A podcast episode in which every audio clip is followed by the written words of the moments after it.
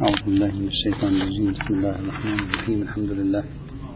صلى الله على سيدنا ونبينا وحبيبنا محمد وعلى آله الطيبين الطاهرين.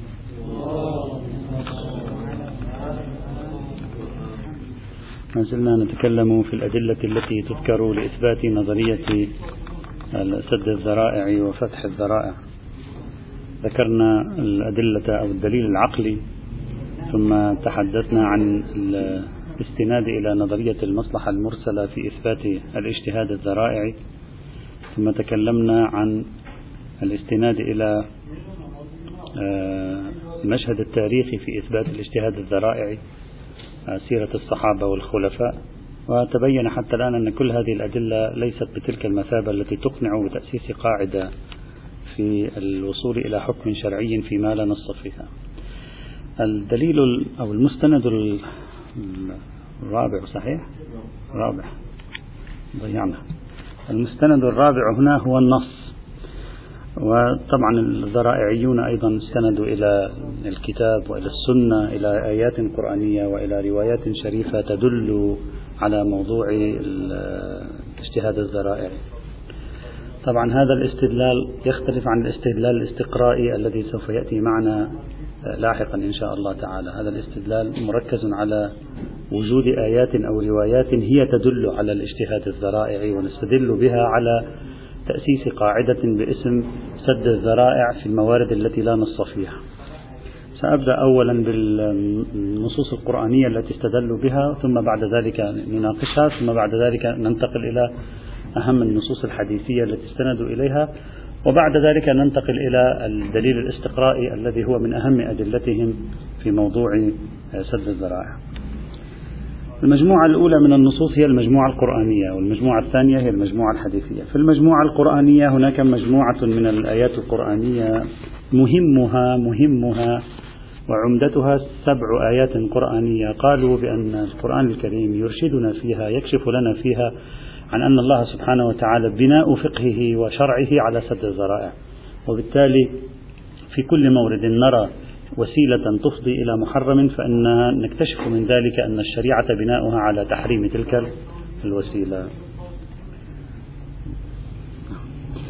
النص الأول قوله تبارك وتعالى بسم الله الرحمن الرحيم ولا تسبوا الذين يدعون من دون الله فيسبوا الله عدوا بغير علم كذلك زينا لكل أمة عملهم ثم إلى ربهم مرجعهم فينبئهم بما كانوا يعملون كما جاء في سورة الأنعام الآية 108 قالوا هذه الآية تؤكد أن الله سبحانه وتعالى بنى شريعته على سد الذرائع كيف؟ ما علاقة هذه الآية بسد الذرائع؟ قالوا سب آلهة الكافرين مشروع. ما في أي مشكلة يجوز أن يكون مستحبا أيضا. قال أن تسب آلهتهم لا بأس به شيء ما في أي مشكلة. سب الأصنام سب آلهة الكافرين. ليس أمرا محرما في حد نفسه هو أمر جائز هو أمر مباح. ولكن الآية القرآنية قالت لنا بأنه حرام. متى؟ عندما يكون سبنا لآلهتهم ذريعة لسبهم لآلهتنا. فسدا للذرائع نهتنا الآية عن سب آلهتهم حتى لا يكون ذلك ذريعة إلى وقوع الحرام الذي هو سبهم لآلهتنا أي سبهم لله سبحانه وتعالى. فالآية بناؤها تركيبها ذرائعي يعني هي واضحة تريد أن تشرع حكم وهي تقول لي هي تخبرني بأنني شرعت لك حكم حرمة سب آلهة الكافرين تشريعا ذرائعيا. كيف؟ بأنه حرام لأنه يفضي إلى حرام. وإلا هو في حد نفسه حل لو كان في حد نفسه حراما لقال ولا تسبوا الذين يدعون من دون الله. نقطة على السطر انتهى الموضوع. لكن لما كان في حد نفسه حلالا وجهة التحريم هي سد الذرائع. قال ولا تسبوا الذين يدعون من دون الله فيسبوا الله عدوا بغير علم. فكشف ذلك عن أن الشريعة تحرم ما كان طريقا إلى الحرام رغم أنه في نفسه جائز هذا وطبعا إذا سببت أنت آلهة الكافرين وليس على نحو العلية اللزومية الانحصارية القطعية البرهانية يعني سيسبون آلهتك. لكن بنسبة احتمالية عالية نعم سيسبون آلهتنا حينئذ سيسبون إلهنا حينئذ. بنسبة 90% 95% نعم سيصدر منهم سب الله سبحانه وتعالى. وهذا معنى أن بين المقدمة والنتيجة إذا كانت النسبة غالبية فإذا تحرم المقدمة لإفضائها إلى نتيجة محرمة هذا الدليل أو الآية الأولى. النص القرآني الثاني الذي استدلوا به وهو الآية 31 من سورة النور الآية طويلة. المقطع محل الشاهد هو نهي النساء عن أن يضربن بأرجلهن ليعلم ما يخفين من زينتهن من الخلاخيل التي في الأرجل. قال تعالى ولا يضربن بأرجلهن ليعلم ما يخفين من زينتهن. الضرب بالأرجل في حد نفسه ليس حرام. يعني الضرب خير إن شاء الله. يعني في عندنا حكم شرعي يحرم على المرأة تضرب برجلها. ما عندنا شيء من هذا القبيل. حلال. لكن الآية أيضا واضحة في أنها تحرم للذرائع. تقول يحرم على المرأة أن تضرب برجلها سدا لذريعة أن يعلم الطرف الآخر بالزينة فيقع فتقع الفتنة. فهذا سد ذرائع. يعني القرآن هو أخبرنا أنه يسد الذرائع. لا نحن نستنتج استنتاجا حسب أدلتهما. القرآن حسب الفرض يخبرنا بأننا إنما أحرم علي على المرأة أن تضرب برجلها سدا لذريعة أن يعلم ما تخفي من زينتها فتقع الفتنة. وحيث إن سد الذرائع أصل في الشريعة لذلك هذه الآية القرآنية حرمت الضرب بالأرجل على النساء. وهذه آية أيضا تركيبة صدرها وذيلها يعني تركيبة المقدمة والنتيجة فيها واضحة تركيبة ذرائعية. وبالتالي هذا دليل على صحة مسلك الذرائعيين. هذا نص قرآني ثاني. النص الثالث هو الآية 58 من سورة النور أيضا. آية الأطفال والعبيد والإماء أو آه، العبيد آه، باعتبار أنهم يعيشون في المنزل والناس تطوف على بعضها في المنزل. يعني ليس مثل المنازل اليوم. الناس بعد تدخل على بعضها في بيت واحد. فالقرآن الكريم حدد ثلاثة أوقات يحرم على منع الأطفال الذين لم يبلغوا الحلم ومنع أيضا العبيد من أن يدخلوا على البيت على الغرفة التي فيها الرجل والمرأة في ثلاثة أوقات. ما هي هذه الأوقات الثلاثة؟ هي الأوقات التي يكون الإنسان فيها في معرض خلع ملابسه إما لتغييرها أو لشيء آخر. هذا ممنوع الدخول؟ لماذا؟ لأنه في معرض أن يرى الطفل أو أن يرى العبد مثلا ما لا يجوز له أن ينظر إليه مثلا. ويقول هذا سد ذرائع. نفس أن يدخل العبد أو الطفل إلى الغرف ليس أمرا محرما. والآية تقول ليس أمرا محرما لا تقول يحرم الدخول إلى الغرف. تقول في ثلاث أوقات وتشرح الآية تقول هذه الأوقات الثلاث هي عورات لكم ثلاث عورات لكم. يعني هذه الأوقات الثلاثة عادة تكشف فيها العورة إما لتغيير ملابسه الإنسان أو شيء من هذا القبيل. فلماذا حرم الدخول بلا إذن؟ دون أن تقول يا الله يا الله يا ستار حرم الدخول بلا إذن هنا سدا للذرائع. أي منعا من أن يقع الحرام. هو ليس الحرام ليس أن تدخل بلا إذن حرام. لكن حرم لكي يمنع الحرام الأصلي. ما هو الحرام الأصلي؟ اللي هو النظر إلى ما لا يجوز النظر إليه من العورات. وهذا هو سد الذرائع. إذن الآية تركيبتها تخبرني عن أنها تنتهج نهج سد الذرائع. قال تعالى يا أيها الذين آمنوا ليستأذنكم الذين ملكت أيمانكم والذين لم يبلغوا الحلم منكم ثلاث مرات. إذا دخلوا عليكم ثلاث مرات في النهار لازم يستأذنوا من قبل صلاة الفجر وحين تضعون ثيابكم من الظهيرة ومن بعد صلاة العشاء. ليش؟ لماذا؟ ثلاث عورات لكم. هذا هو السبب. يعني يستأذنوكم حتى لا يقع الحرام. هذه أوقات عورة يعني أوقات كشف في مقابل الستر. فيستأذنونكم حتى لا يقع النظر المحرم وإلا هو نفس الدخول بلا استئذان ليس حرام. لولا سد الذريعة هذه لولا أنكم في معرض أن تخلعوا ملابسكم ما كان حراما أبدا ما في أي إشكال.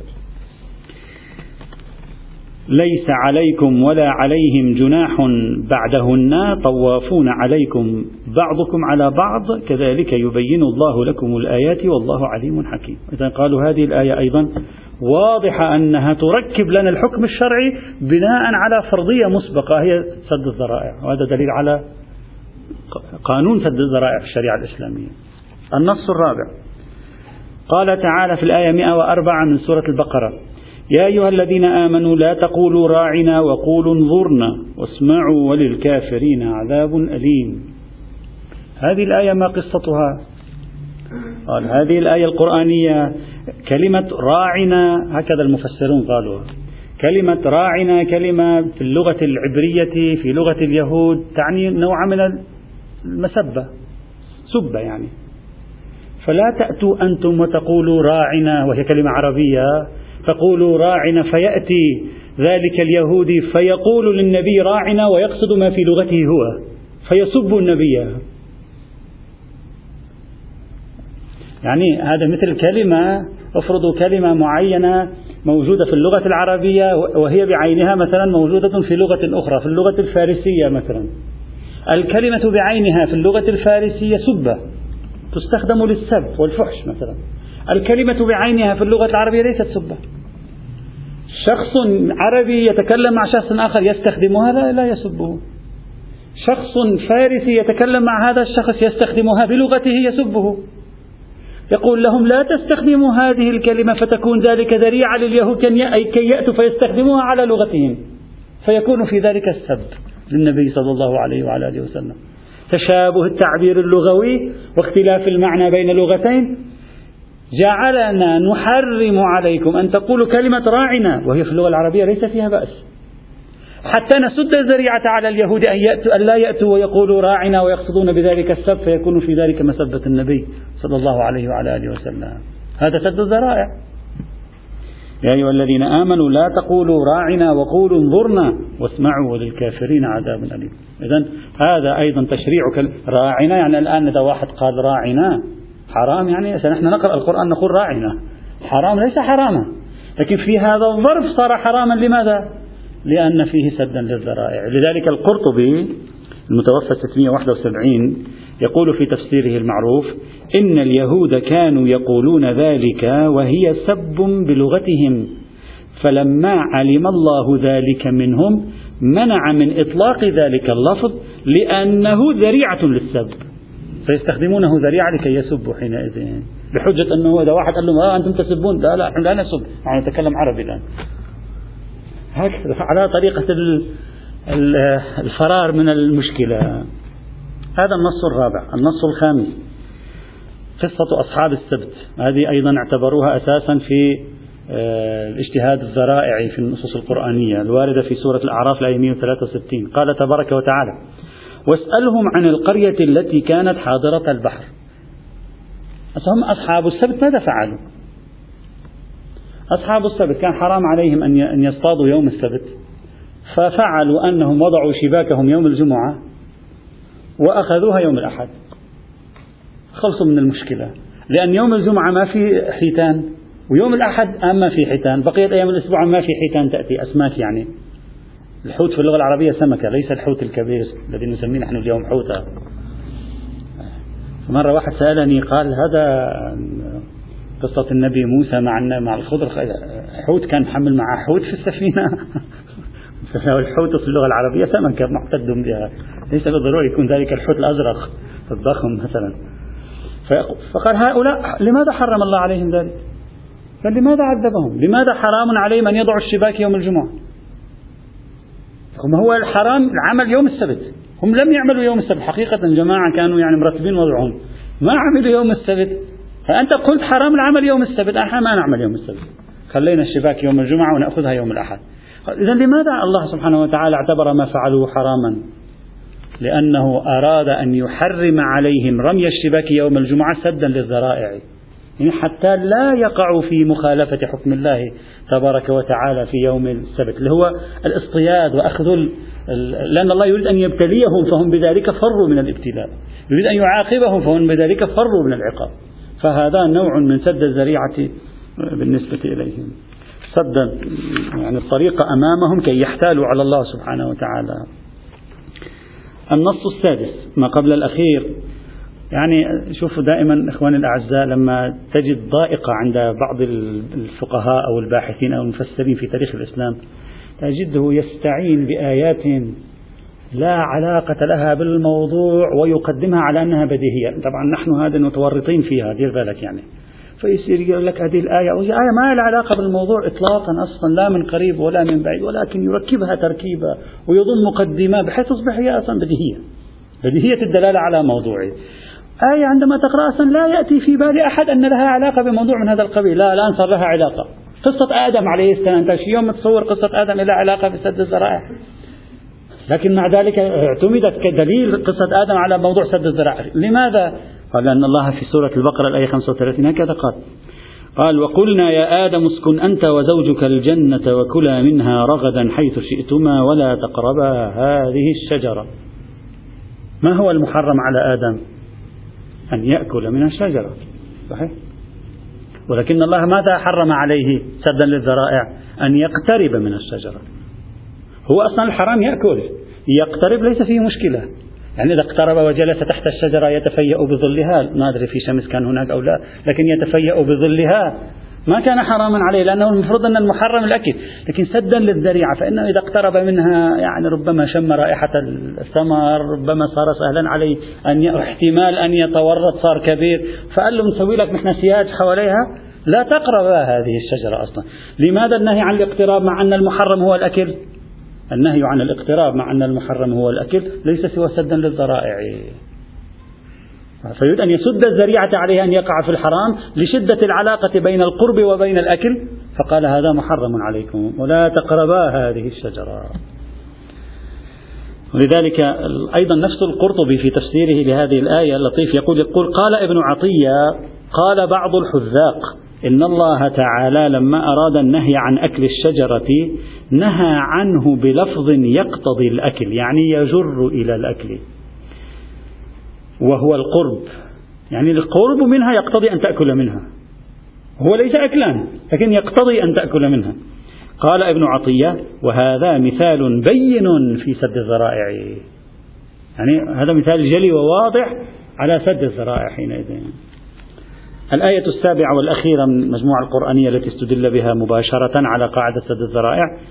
قوله تبارك وتعالى اذهبا إلى فرعون إنه طغى فقولا له قولا لينا لعله يتذكر أو يخشى.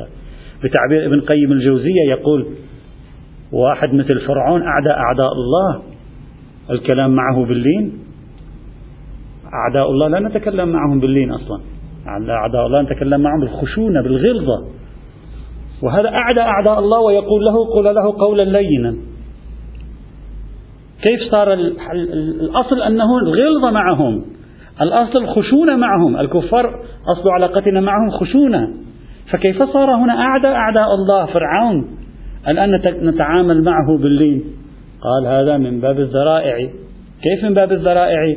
قال لأنه وإن كان الأصل الخشونة لكن نتعامل باللين ذريعة إلى تحقيق مطلب ما هو لعله يتذكر أو يخشى.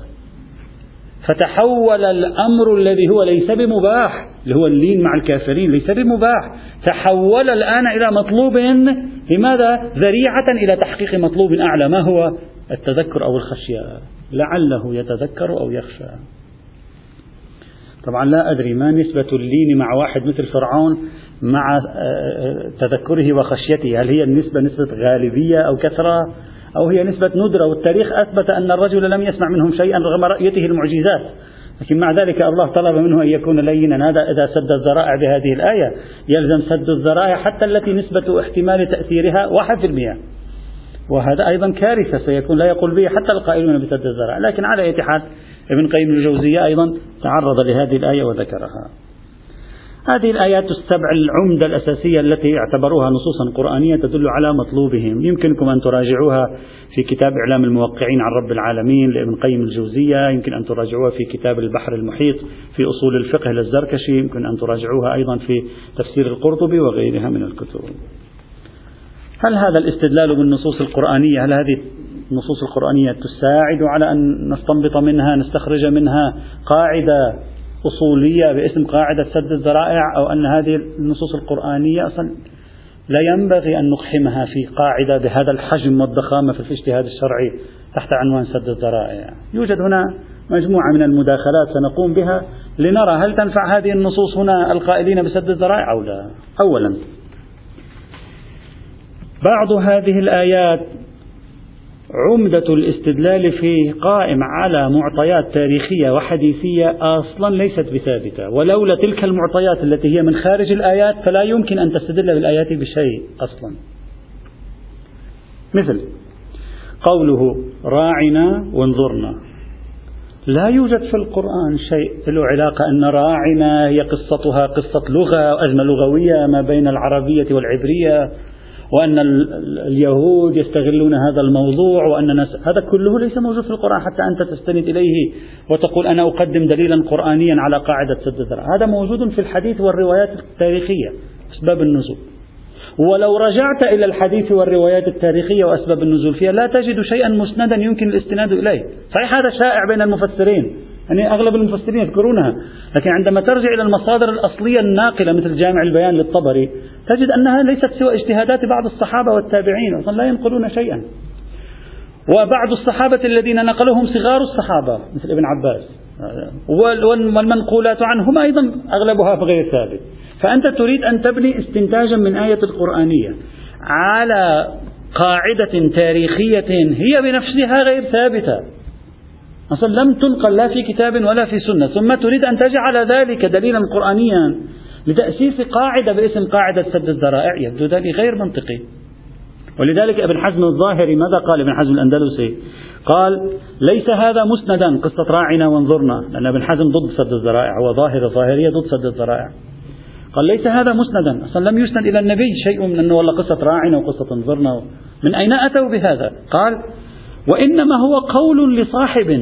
يعني واحد من أصحاب النبي هو كتطلع معه. واحد من التابعين هو يعني لعله استنتج لعله سمع. لا ندري مدى دقة هذه القصة. وشيء ليس ثابت النقل أصلا عن هؤلاء. وإنما هو قول لصاحب ولم يقل الله تعالى ولا رسوله صلى الله عليه وعلى آله وسلم إنكم إنما نهيتم عن قول راعنا لتذرعكم أو لتذرعهم بذلك. يعني اليهود إلى قول راعنا. ما في إثبات تاريخي. يعني أنت لو تنقح في هذا الموضوع لن تستطيع أن تصل إلى شيء ثابت تاريخيا أن سبب هذه الآية هو هذا الأمر. نعم محتمل مظنون. الظن لا يغني من الحق شيء. لا موضوع ثاني آية ثانية تلك. ذلك آية ثانية. أيضا القصة الثانية في, في نفس الإشكالية أيضا أصحاب السبت. في الآية القرآنية لا ي... أصلا لا يوجد في الآية شيء أن الجماعة احتالوا على الله. يعني أنت في الآية نفسها لو تتأمل في الآية لا يوجد أنهم سووا حيلة ووضعوا الشباك يوم الجمعة وأخذوا الشباك آه، يوم الأحد. لا يوجد شيء من هذا في القرآن الكريم. القرآن قال لهم أنتم اعتديتم في السبت. ظاهر اعتديتم في السبت أنكم في السبت اعتديتم. في يوم السبت اعتديتم. أما أنه أنتم احتلتم على الله في قضية يوم السبت ليس في آيات قصة أصحاب السبت إشارة لا من قريب ولا من بعيد إلى وجود حيلة. فضلا أن يكون التحريم قد جاء أو العذاب قد جاء على أساس فكرة سد الذرائع. أبدا إطلاقا ما في شيء من هذا القبيل. نعم توجد منقولات منقولات عن بعض الصحابة وعن بعض لا عن النبي أبدا. صحابي من الصحابة قال هكذا صار. وطبعا ما صارت أمامه. وينقل من أين أتى بها هذا الصحابي؟ هل ثبتت عن هذا الصحابي؟ كله محل نقاش. تابعي أكثر. باعتبار هذا اجتهادات في اجتهادات. إن ثبتت نسبة هذه المنقولات إلى الصحابة وهو ينقلها جامع البيان للطبري إن ثبتت إلى بعض إلى التابعين وإلى مثل ابن عباس من الصحابة لا يعلم أنهم أخذوها من النبي. وبالتالي ربما تكون تحليلا من تحليلاتهم سمعوه من بعض كتب أهل الكتاب من بعض المعلومات التي جاءت. ما نستطيع نبني عليها نحن في هذا الإطار. وأما الرواية عن أهل البيت فأنتم لو راجعتم مرويات قصة أصحاب السبت عن أهل البيت ستجدون أنها مضافا إلى ضعفها السندي. يوجد فيها تضارب بل بعض الروايات تدل أنهم اصطادوا يوم السبت. بإمكان الإخوة أن يراجعوها في مثل تفسير القرآن كنز الدقائق وغيرها من الكتب التي تجمع الروايات التفسيرية. فضلا عن ضعفها السندي أصلا هي فيما بينها متعارضة؟ بعض صياغها على عكس فكرة سد الذرائع وعلى عكس فكرة الحيلة الشرعية أو الاحتيال على الله الذي فعله أصحاب السبت. اشتهار فكرة أصحاب السبت بوصفها شعارا من آه، يعني آه، عناوين موضوع الحيل الشرعية غير معلوم أصلا. يعني متداول لكن لو نقحت به ليس بثابت لا على المستوى التاريخي لا على المستوى السند في هذا. حتى حتى بمراجعة الكتاب المقدس حتى بمراجعة التوراة العهد القديم حتى بمراجعة التلمود. إذا ثبت لأنه معروف عادة أن قصة أصحاب السبت لم لم تذكرها الكتب اليهودية المتداولة بين أيدينا ولذلك بعضهم يأخذ على القرآن. يقول أنا القرآن يقول ولقد علمتم الذين اعتدوا منكم في السبت نقول نحن ما عندنا شيء ما قصة السبت ما عندنا إياها. قصة أصحاب السبت السبت عندنا. أصحاب ما عندنا ما موجودة لا في التوراة لا تجدها في العهد القديم لا تجدها في التلمود ما موجودة. نعم بعض الباحثين أنا رأيت حاول أن يثبت أنها موجودة بإشارات خفيفة. صعب أن تثبت لا نريد أن نطيل في الموضوع صعب أن ولو ثبتت لا يوجد رائحة في تلك الإشارات الموجودة في العهد القديم أو في التلمود وأمثالها. أصلا لا توجد أي إشارة إلى موضوع حيلة. يعني لا على مستوى المصادر اليهودية أنت يمكن أن تثبت فكرة سد الذرائع لا على المستوى المصادر الإسلامية يمكن أن تثبتها في قضية أصحاب السبت. فالاستدلال بآية أصحاب السبت والاستدلال كذلك بآية آه، راعنا وانظرنا تصبح حينئذ غير وجيهة. فإذا هذه الآيتين القرآنيتين ينبغي استبعادهما وعدم الاستدلال بهما لصالح نظرية سد الذرائع ثانيا هذا أولا. ثانيا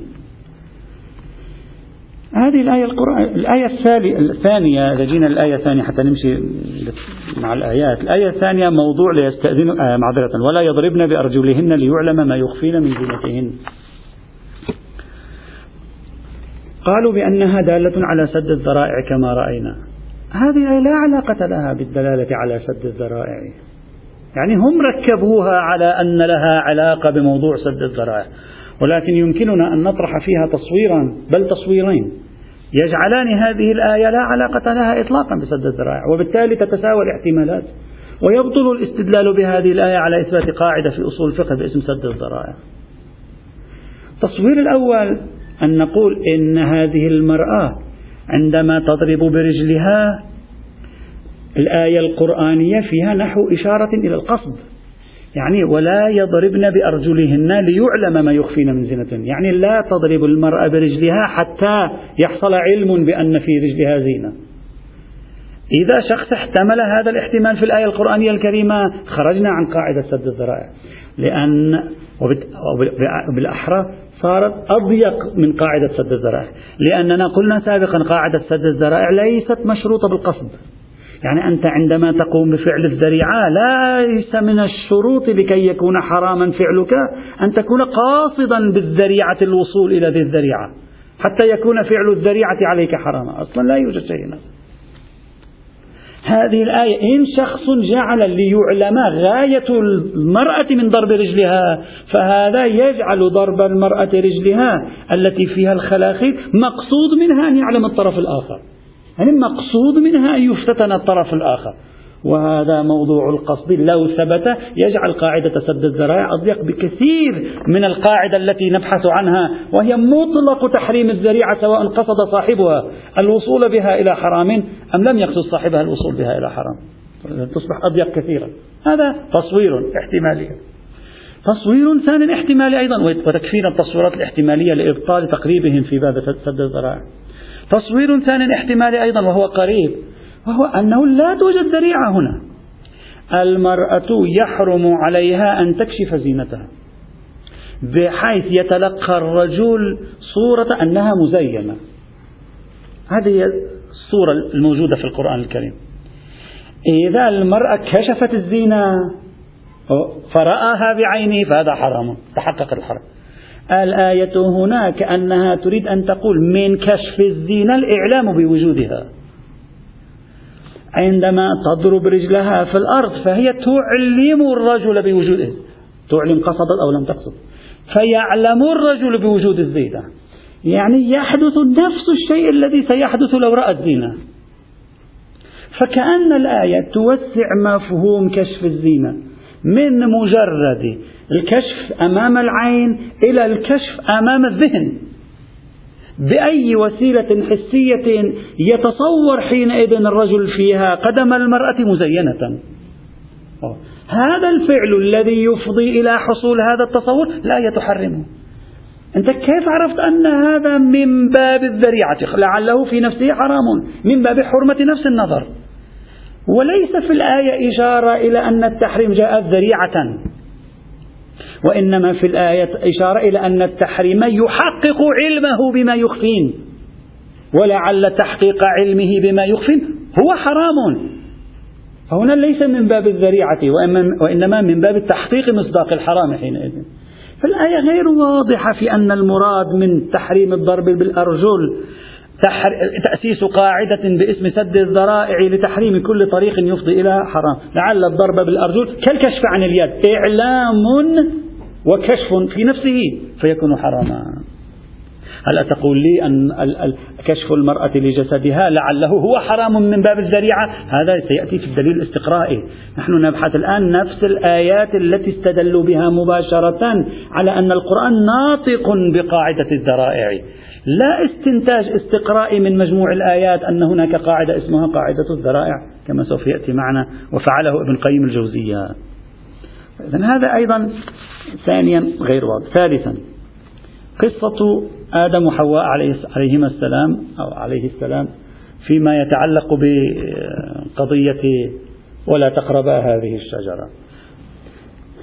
نحن أمام احتمالين هنا في تفسير الآية القرآنية الكريمة خلافا لما يدعيه القائل بسد الذرائع إما أن تقول أصلا لا تقرب هذه الشجرة يعني لا تأكل منها لأن النهي عن القرب من الشيء نهي عن القرب مما يتوقع منه هذا الشيء وهذه الشجرة يتوقع منها الأكل فالنهي عنها يعني نهي عن الأكل منها. إذا كان كذلك فلا توجد ذريعة لأن لم يعد يوجد فرق بين الأكل والاقتراب خلافا لتقريب المستدل هنا. أو أن تقول بأن المحرم كان الاقتراب. خلصنا خلص الموضوع. بس أنت كيف عرفت أن المحرم كان الأكل والاقتراب جعل حراما بسد الذرائع؟ فلعل المحرم من البداية هو الاقتراب. بدليل الآية نفسها.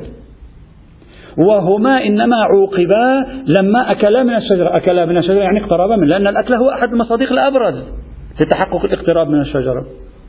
فحصل ما حصل. وهذا احتمال. ما أريد أن أدعيه أريد أن أفك العلاقة التي صنعها القائل بسد الذرائع بين فكرة ولا تقربا وبين, وبين موضوع الأكل هو صنع علاقة وقال هذه هي العلاقة التي ذكرتها الآية. لا نحن نقول الآية محتملة لأوجه تحتمل ما تدعيه أنت. وتحتمل أن النهي عن الاقتراب أصلا هو كناية وتعبير عن النهي عن الأكل من الشجرة. وتحتمل أن موضوع الحرام هو الاقتراب أصلا. هو محل متعلق الحرام هو الاقتراب. تحريم متعلق الاقتراب. بدليل هذه الآية فكيف تستطيع أن ترجح احتمال أن النهي عن الاقتراب نهي ذرائعي وليس نهيا أصليا أصلا؟ أو كيف ترجح أن النهي عن الاقتراب ليس في نفسه كناية عن النهي عن الأكل؟ كل الاحتمالات موجودة. بل بقرينة المقابلة في الآية القرآنية كلا منها رغدا حيث شئتما ولا تقربا هذه الشجرة. شو تفهم بقرينة المقابلة؟ يعني كلا من كل هذه الأشجار وهذه الشجرة لا تأكل منها. أيضا هذا يقوي احتمال أن يكون النهي عن الاقتراب بملاحظة الأكل. وإلا ماذا يفعل القائل المستدل بهذه الآية القرآنية الكريمة هنا في مثل قوله تعالى واجتنبوا قول الزور يعني إذا واحد قال قولا زورا حرام أنا أجلس بجنبه؟ لأنها حرام اجتنبوا. أو اجتنبوا الرجس من الأوثان. يعني حرام أن أقترب من الوثن حتى لو أردت أن أكسره حرام أقترب لازم أكسره من بعيد. لأن هناك حرمة للاقتراب. الاجتناب أيضا يعني النهي عن الاقتراب. لا الفقهاء هناك فهم من اجتناب الأوثان واجتناب قول الزور. يعني عدم قول الزور. أن لا تقول أنت الزور. وأن لا تعبد لماذا؟ لأن الربط بين الاجتناب وبين طبيعة الشيء يجعل الاجتناب منصبا على ما يتوقع من ذلك الشيء وهو العبادة في الأوثان والقول في الزور أو الرضا بالزور على الأقل. وهذا ممكن. وهذا معقول حينئذ حتى على مباني. أو مثلا الخمر والميسر والأنصاب والأزلام رجس من عمل الشيطان فاجتنبوه. فإذا الاجتناب هنا بأي معنى؟ اجتناب الخمر يعني لا نجوز حتى لو في أمامك خمر يجب الاجتناب ليس مائدة خمر. خمر. ميسر في مكان للميسر حرام أيضا أن تقف على مكان الميسر حتى لو أردت أن تكسره لابد أن تكسره من بعيد. فهم لا يلتزمون بذلك. إذا مثل هذه التعابير إما أن نفهم منها النهي عن أو الأمر باجتناب شيء بلحاظ ما هو متوقع أن يعمل من هذا الشيء. فيكون النهي عن الاقتراب من الشجرة بلحاظ الأكل منها. أو لا يكون الحكم الأصلي هو النهي عن الاقتراب أصلا. لا أن الاقتراب جاء من باب الذريعة وتكفينا مساواة هذه الاحتمالات حتى يبطل استدلال المستدل بهذه الآية القرآنية الكريمة. طبعا في التوراة لأن لأن قصة الخلق خلق آدم وخلق الإنسان موجودة أيضا في التوراة. في التوراة في, في, في سفر التكوين كل الكلام عن الأكل أيضا. لا تأكل من الشجرة لا تأكل من الشجرة. فقط آية واحدة في التوراة تدل على أن المنهي عنه كان الأكل والمس. يعني أن لا تأكل من الشجرة ولا تمس الشجرة أيضا. لكن في سائر الآيات التي تتكلم في الإصحاح الثالث والإصحاح الرابع من سفر التكوين كلها أيضا مركزة على الأكل. يعني النهي عن الاقتراب بمعنى النهي عن الأكل كان على أي حال. هذا ثالثا. رابعا. الآية الأخيرة التي استدل بها ابن قيم الجوزية في موضوع التعامل مع فرعون أيضا غير مقنعة لأنه من قال بأن الأصل في التعامل مع غير المسلم هو الغلظة والخشونة. أول الكلام لعله لو كان محاربا فالأصل معه التعامل بالغلظة والخشونة وإن لم يكن محاربا فالأصل معه التعامل بغير الغلظة والخشونة. أو التعامل معه في المرة الأولى يكون بغير غلظة وخشونة. والتعامل معه في المرة الثانية يكون بغلظة وخشونة. وهذا محتمل أيضا. يعني محتمل. أصل الحكم الشرعي يكون هكذا. آه. نعم نعم. حتى لو أشداء على الكفار. حتى في الأمر بالمعروف والنهي عن المنكر أيضا. أشداء الآن سأشير إلى أشداء على الكفار أيضا. بل لو لم يقبل معنا ابن قيم الجوزية بذلك والتزم بأن مطلع سورة التوبة ينسخ كل آيات الموادعة والمهادنة والسلام والعلاقة الطيبة مع غير المسلم. يلزم أن يقول بأن آيات سورة التوبة تنسخ هذه الآية أيضا. فإذا نسختها لم يعد يمكن الاستدلال بها على قاعدة سد الذرائع. يعني إما أنت أن تقول بأن الأصل في العلاقة والقاعدة في العلاقة مع غير المسلم الغلظة والخشونة. باعتبار أن أواخر ما نزل في المدينة المنورة كما هو رأي الكثير من المفسرين خاصة عند أهل السنة أواخر ما نزل في المدينة المنورة ينسخ تمام آيات الصلح والمهادنة والموعظة الحسنة وإلى آخره. إذا كان كذلك فهذه الآية لا يمكن الاستدلال بها لأن المفروض أنها تصبح منسوخة. وإذا صارت منسوخة كيف تريد أن تستدل بها أنت الآن؟ بقاعدة مثل بحجم قاعدة سد الذرائع. وإذا لم تكن منسوخة يعني آيات أشداء على الكفار وآيات اقتلوهم حيث ثقفتموهم لا تؤسس قاعدة كلية. إذا لا تؤسس قاعدة كلية فنحن أمام حالتين حالة فيها لين وحالة فيها خشونة. قل لماذا جعلت اللين من باب الذرائع؟ لا هو حالة قائمة بنفسه حينئذ. يعني هو حالة قائمة بنفسه لا من باب الذرائع. حكم أصلي في التعامل مع شخص لا من باب الذرائع في نفسه وإذا كان في نفسه يرتفع الاستدلال حينئذ. فعلى التقديرين الاستدلال غير تام. خامسا ما ذكره سيد محمد تقي الحكيم. سيد محمد تقي الحكيم لديه إشكال هنا على الاستدلال ببعض هذه أشار إلى آية أو آيتين من هذه الآيات وأشكل بإشكال حاصل إشكاله. قال هذه الآيات تدل على تحريم شيء يكون ذريعة لشيء آخر. ماشي قبلنا. من قال لكم بأن هذا الشيء الذي هو ذريعة لشيء آخر والذي حرم ليس فيه في نفسه مفسدة أيضا؟ أنت كيف عرفت؟ بعبارة أخرى مفروض القائل بالذرائع أن الشيء أن الذريعة بنفسها مباحة ليس فيها مفسدة. مفروضه هكذا. وإنما لحقها الحكم لكونها طريقا إلى ما فيه مفسدة. وهذا مفروضه. طيب. هذه الآيات القرآنية تحرم مثل الآية الأولى. سب آلهة الكافرين لكونه ذريعة إلى الوقوع في الحرام. وهو تحقق سب الله سبحانه وتعالى. من قال لك أن نفس سب آلهة الكافرين؟ هم في نفسه فيه مفسدات. وهم من حيث إفضائه إلى ما فيه مفسدة هو فيه مفسدة أيضا. وبالتالي فيه الجهتين مفسدة. أنت من وين تعرف؟ فإذا إذا كان الأمر كذلك لا أستطيع أن أقول كل مباح وقع ذريعة لحرام فهو حرام. بل أستطيع أن أقول كل أمر فيه مفسدة. وأضيف على مفسدته مفسدة ذرائعيته للحرام يكون حراما. وبهذا تبطل قاعدة الذرائع. لأن قاعدة الذرائع إذا أدخلت فيها هذا القيد راحت قاعدة الذرائع أصلا. فلم يعد لها معنى. هذا حاصل إشكال منطق الحكيم ولكن في عندنا نوعين من الاستدلال قدمه الذرائعيون. أرجو أن ننتبه جيدا. مرة قدم الذرائعيون استدلالهم الاستقرائي وهو من أهم أدلتهم الذي سيأتي معنا إن شاء الله تعالى. مثلا ابن قيم الجوزية تقريبا جمع مئة مورد في الشريعة. ومن هذه الموارد ومرة أخرى استدلوا بالنصوص. هذا غير الاستقراء. بالنصوص يعني نفس النصوص أتوا بها.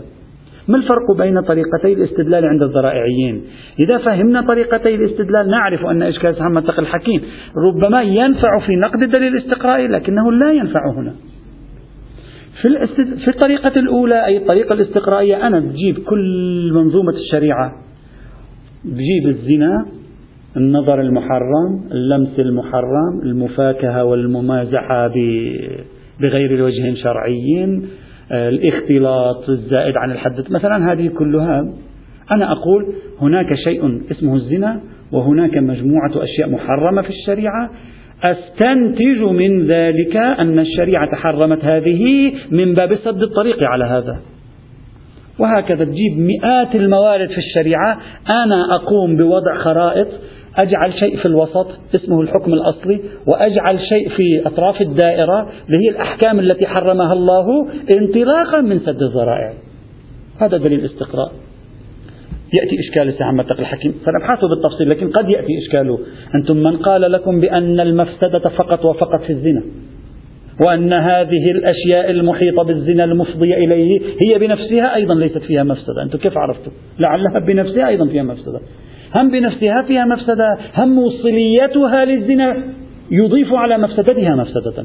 من أين عرفتم؟ أنتم فقط لاحظتم أحكاما شرعية. لاحظتم حكم اسمه حكم الزنا لاحظتم حكم اسمه حكم النظر وأنتم من عندكم قلتم أن حكم النظر كأنه في ذاته ليس فيه مفسدة سوى مفسدة ذرائعيته إلى ما فيه المفسدة هي مفسدة الزنا. كيف عرفتم؟ ربما هو فيه مفسدة وفي موصليته زيادة مفسدة أيضا.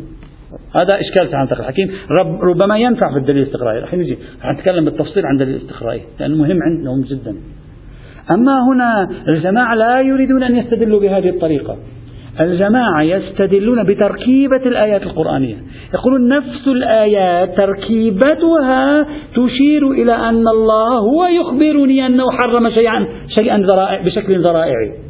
هو قال لي لا تسبوا الذين كفروا آلهة الذين كفروا لأنكم لو سببتم آلهتهم سيسبون إلهكم. الآيات هنا بنفسها تنبئ عن التفكير الذرائعي لواضع الشريعة عن الذهنية الذرائعية لواضع الشريعة. بعد لا تستطيع أن تقول أنت لابن قيم الجوزية وأمثاله تقول لا كيف عرفت أنه ما توجد مفسدة في أصل سب آلهة الكافر هو يقول لك يقول لك نفس الآية تخبرني أن السب جعل بملاك ذرائعيته. إذا أردت أن تناقشه ناقشه في دلالة الآية على أنها انطلقت من ملاك الذرائعية. أما أن تقول له لا ربما يكون السبب أيضا فيه مفسدة يقول لك هذا خلاف ظاهر الآية.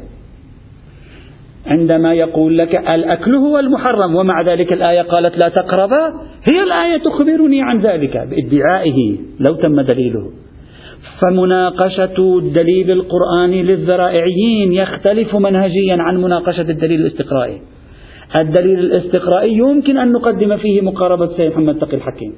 أما الدليل القرآني لا يمكن أن نقدم فيه هذه المقاربة إلا أن نذهب مباشرة إلى الآيات ونقول لا لا تدل هذه الآيات على أنها أن التشريع فيها جعل بملاك الذرائعية كما تتصورون. لا أبدا لا يوجد شيء من هذا. فتقريبه لو تم في نفسه لا يتم في موضوع بحثنا هنا؟ وإنما يتم في بحث الدليل الاستقرائي سادسا وأخيرا ملاحظة. معذرة. السادسة والأخيرة في هذا الإطار سلمنا كل هذه الآيات تدل على صراع الذرائع. أنا أريد الآن أن أسلم كل هذه الآيات تدل على سد الذرائع. سبعة سبعة معا كاملة تدل. ماذا نستفيد؟ نستفيد أن الله سبحانه وتعالى حرم بعض الأشياء ذرائعيا. لكن هل تستفيد منها أن كل ما هو ذريعة فقد حرمه الله؟ انتقال من الموجبة الجزئية إلى الموجبة الكلية قفزة عجيبة. كيف استطاعوا أن يقتنعوا من أن تحريم ست سبع موارد بدلالة قرآنية كاف للانتقال إلى تأسيس قاعدة عبر الدلالات اللفظية؟ كيف؟ نعم أصل الذهنية الذرائعية موجودة في الشريعة لا بأس. لا أظن أن أحدا ينفي أن الذهنية الذرائعية موجودة في الشريعة. حتى نقلنا سابقا كلمات حتى بعض علماء الإمامية. ما في مشكلة. أما كلامنا في ادعاء الكلية يعني بعض التشريعات ذرائعية لا يساوي كل ما هو ذريعة فهو حرام. هذه القفزة قفزة غير مبررة منطقيا ولا شهد عليها في الشرع. نعم إذا ضممنا هذه الآيات إلى الدليل الاستقرائي إلى الروايات التي ستأتي وكلها تمت. لا بأس يتغير الموقف. لكن إشكالنا هذا في دلالة النصوص القرآنية خاصة. هذا فيما يتعلق باستدلالاتهم القرآنية العمدة وستأتي استدلالاتهم من السنة الشريفة أيضا العمدة ثم بعد ذلك ينتقل إلى دليل الاستقراء وهو من أهم أدلتهم. والحمد لله رب العالمين.